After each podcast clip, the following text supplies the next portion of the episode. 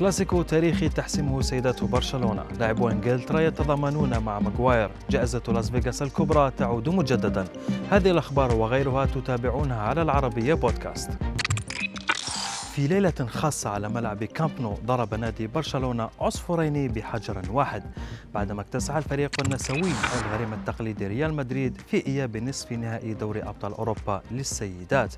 كما كسر الحضور الجماهيري الرقم القياسي في مباراة السيدات بعد تسجيل دخول 91553 شخصا.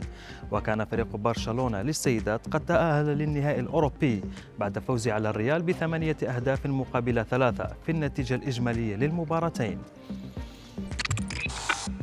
وفي باريس أيضا كسر الحضور الجماهيري لمباراة سان جيرمان وبايرن ميونخ للسيدات الرقم القياسي للحضور في مباريات الفريق النسوي بعد تسجيل حضور أكثر من 25 ألف متفرج في حديقة الأمراء. ومن بينهم كان نجم النادي كيليان مبابي وسيواجه فريق سان جيرمان للسيدات نظيره نادي برشلونة في نهائي البطولة الأوروبية.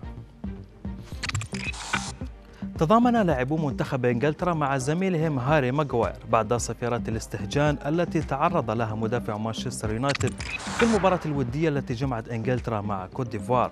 ودعم عدد من لاعبي الأسود الثلاثة زميلهم على تويتر واصفين صفيرات الاستهجان على ملعب ويمبلي بالشيء المثير للسخرية.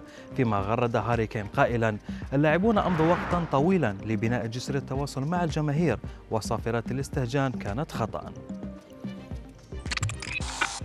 وبعد نهاية تصفيات المونديال تتجه الأنظار يوم الجمعة إلى الدوحة لمتابعة وقائع قرعة دور المجموعات لكأس العالم. وبحسب تصنيف فيفا الأحدث فإن المنتخبين المغربي والتونسي سيكونان في المستوى الثالث بينما سيتواجد منتخب السعودية ضمن المستوى الرابع ما يضع احتمالا لوقوع منتخب المغرب وتونس مع منتخب السعودية في مجموعة واحدة. أعلنت الفورمولا 1 عودتها مجددا إلى لاس فيغاس العام المقبل مع حلبة شوارع ستكون هي الثالثة في رزنامة بطولة العالم وستسجل جائزة لاس فيغاس الكبرى. عودتها إلى البطولة العالمية بعد غياب دام 39 عاما. كما تقرر إقامة السباق الرئيسي لجائزة فيغاس يوم السبت.